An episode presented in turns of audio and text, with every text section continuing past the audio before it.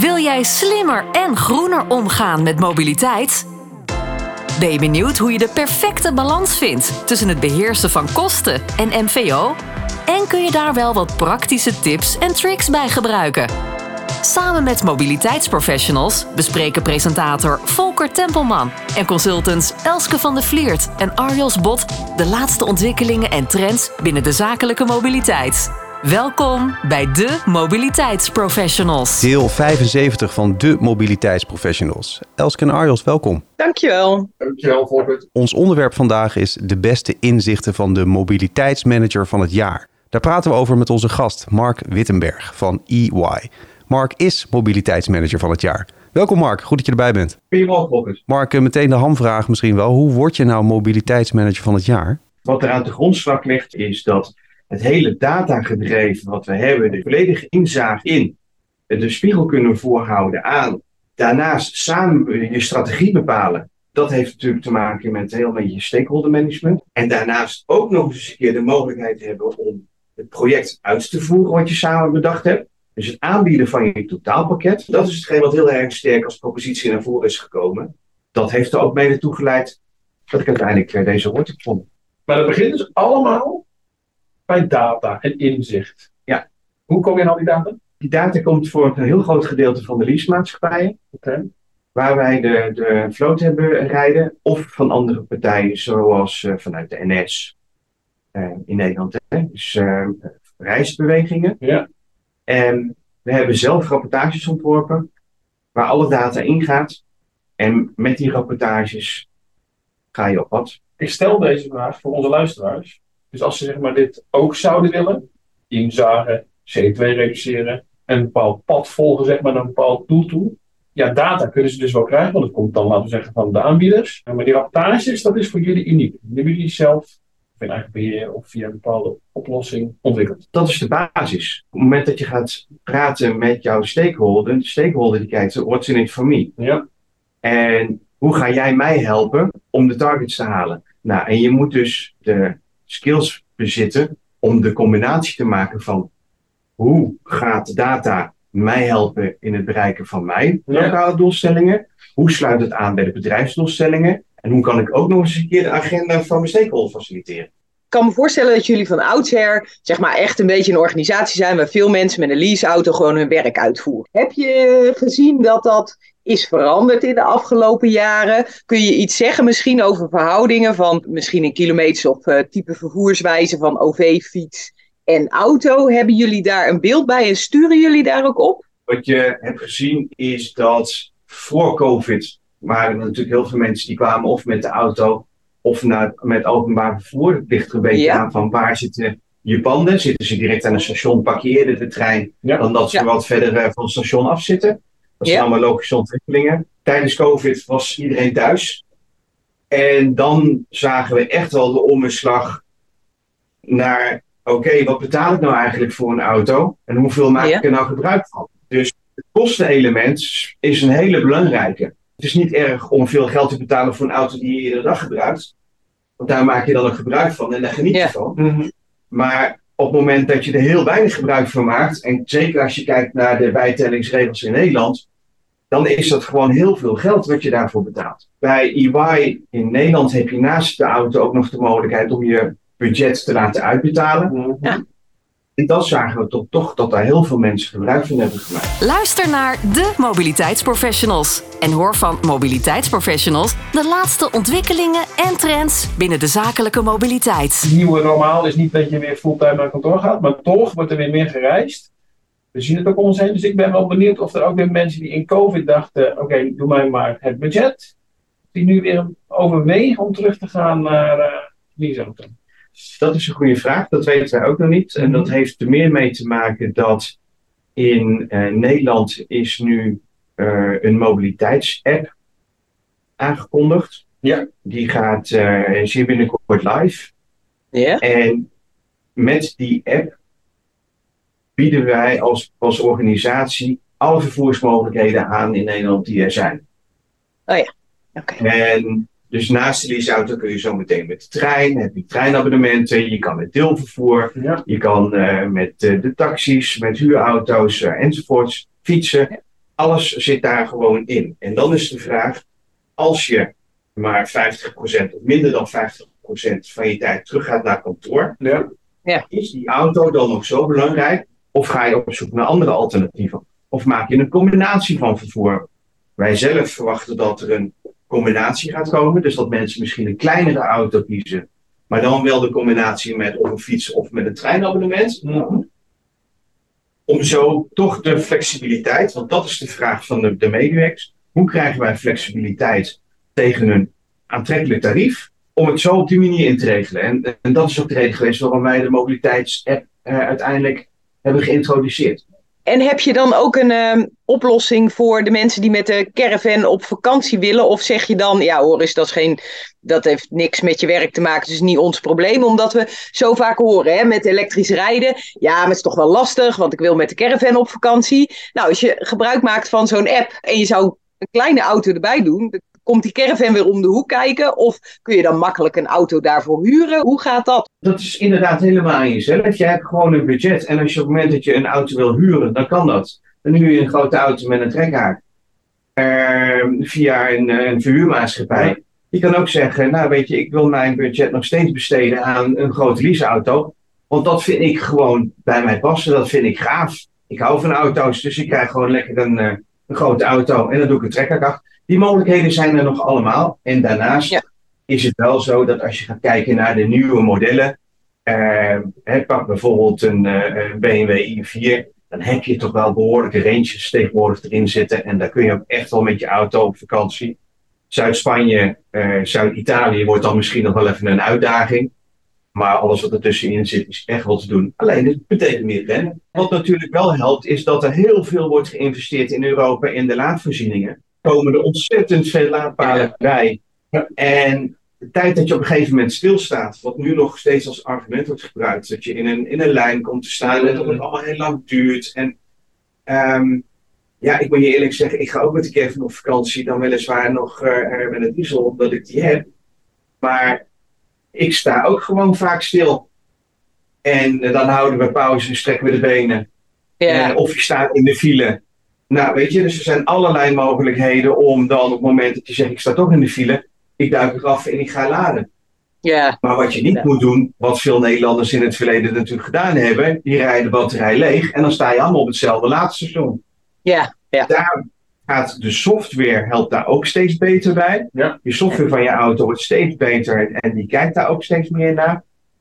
Nee, de, de argumenten om niet met eh, de auto of met de auto in de caravan op vakantie te gaan, wordt steeds minder. De mobiliteitsprofessionals. Wat zijn wat jou betreft nu de belangrijkste eh, veranderingen of ontwikkelingen nog naar de nabije toekomst? Want je hebt dus nu, denk ik, een heel aantrekkelijk mobiliteitspakket, palet voor de medewerkers. En die app die komt eraan, dus dat is dan of is eh, ge- ge- aangekondigd. Eh, wat zijn nu de, heb je nog volgende stappen of is dit het?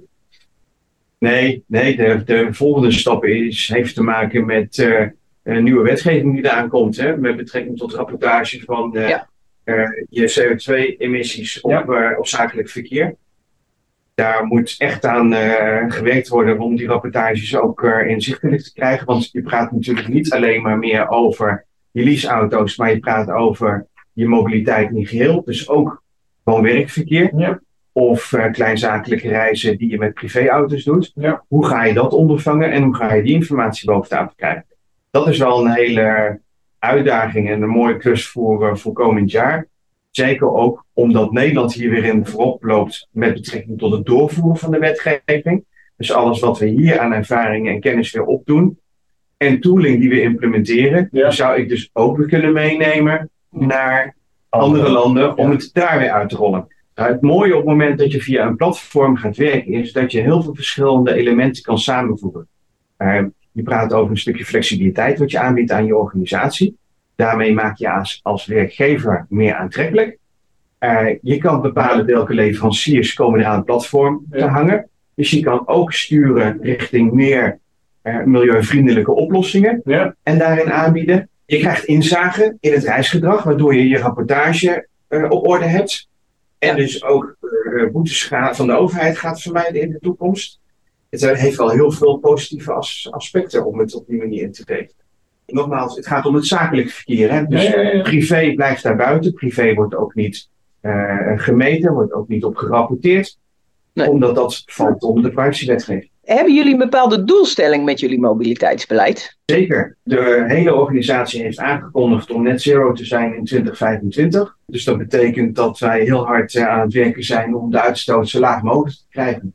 En dat Nee. is natuurlijk op het gebied van panden, dat is op het gebied van vervoer, vliegen. En overal hebben we daar dus targets aan, aan het grondslag liggen die ons moeten helpen om de overal target te halen. Want wat Ja, is en- jullie de grootste eh, impact op eh, CO2-footprint? Want misschien hebben jullie nog wel behoorlijk wat eh, IT of servers of uh, Het grootste, ja, het grootste is vliegen.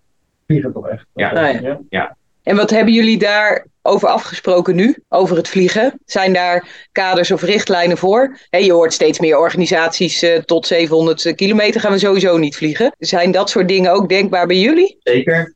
De, als je reist naar de grote steden zoals eh, eh, Frankfurt of Parijs of Brussel, dan wordt eigenlijk wel eh, verwacht om, een, om, om de trein te nemen. Er is een nieuwe tooling in geïmplementeerd. Die is net live, waarbij je alternatieven ten opzichte van je vliegtuig te zien krijgt. Dus dat betekent in kosten, in CO2-uitstoot, in tijd. Ja. En dat gaat de mensen helpen. En wat ik begrepen heb, is dat je ziet dat het aandeel eh, trein al enorm is toegenomen. Ten opzichte van toen de tooling er nog niet was. Oh ja. Omdat mensen daar geen inzage hebben. Je moet eerst inzage geven en bewustwording creëren om verandering te kunnen doorvoeren. En mensen willen heel graag. Hè? Iedereen wil bijdragen aan de CO2-reductie. Iedereen wil bijdragen aan de doelstellingen. Dus op het moment dat je weet wat jou het beste gaat helpen daarin, kun je ook die keuze maken. Wil jij slimmer en groener omgaan met mobiliteit? Luister dan naar de mobiliteitsprofessionals en ontdek de laatste ontwikkelingen en trends binnen de zakelijke mobiliteit. Kun je iets zeggen over eh, wat, wat jij misschien ziet van eh, jouw collega's zeg maar, eh, in andere landen? Dat je denkt, goh, dat is opvallend. Of daar hebben ze dat heel bijzonder geregeld. Of nou, daar lopen ze toch wel tegen iets aan waarvan eh, we blij moeten zijn dat we daar in Nederland geen last van hebben. Wat je veelal ziet in Europa is dat de wet en regelgeving als het gaat over subsidies Ja? achterblijft ten opzichte van eh, wat Nederland al heel veel jaren doet. En dat komt op gang. En eigenlijk kun je veel landen dus nog vergelijken hoe Nederland een jaar of vijf, zes geleden was. Ja. Ehm, dus mensen raken nu geïnteresseerd. Ze zien dat er subsidies zijn, dat het voordelig is voor hun eigen eh, budgetten. Ehm, dat het ze gaat helpen in de transitie. Er moet natuurlijk een laadinfrastructuur zijn als je de elektrificatietransitie wil gaan, eh, gaan doorvoeren. Daar zie je dat heel veel landen al veel investeren, maar toch ook echt wel achterblijven. Als jij in Frankrijk op het platteland bent, of in Italië op het platteland, of in Portugal op het platteland, is dat echt niet vergelijkbaar met Nederland, Noorwegen of Zweden. Ja. Nee. Oh, in Zweden is ook alleen zuiden heel goed geregeld. In het noorden is het wat lastiger. Ook vanwege de kou. Hè? Dus als je het hebt Ja. over houdt het praktisch, ga je meer naar het oosten. eh, Polen die kant op. Die winters zijn zo koud. Ehm, hoe hou je die auto's en die batterijen warm? Daar, zitten gewoon echt vraagstukken. Ook voor autofabrikanten om daar eh, verder op in te spelen. Dat je toch ziet dat mensen nog terughoudend zijn. En dat moet over tijd gaan, gaan spelen. Je zei het eerder ook al, hè, we lopen hier dus duidelijk voor, zeg maar. Echt. Dat, eh, heb je een beeld bij hoe dat in Amerika is? Want volgens mij kennen ze daar ook de leaseauto bijvoorbeeld niet zo als wij hier kennen. En dat is, dat zou ik zeggen, zou misschien meer op ons kunnen lijken in sommige delen van Amerika. Qua klimaat ook en zo. Ja, in Amerika hebben wij geen leaseauto's. Dus dan is het, eh, laten we zeggen, het aanpakken van je mobiliteit is al een stuk lastiger, omdat mensen Ja. dat zelf organiseren en daar zelf voor betalen. Natuurlijk ligt er wel een doelstelling aan de grondslag, maar op het moment dat ook daar de wet en regelgeving zegt je moet gaan rapporteren, zullen we er iets mee moeten. Ja. Wat we dus nu zien is dat de Europese Commissie, die heeft dat besloten dat we dat gaan doen. Die lopen daar ook voorop. Eh, als je het gaat hebben over wereldwijd beleid.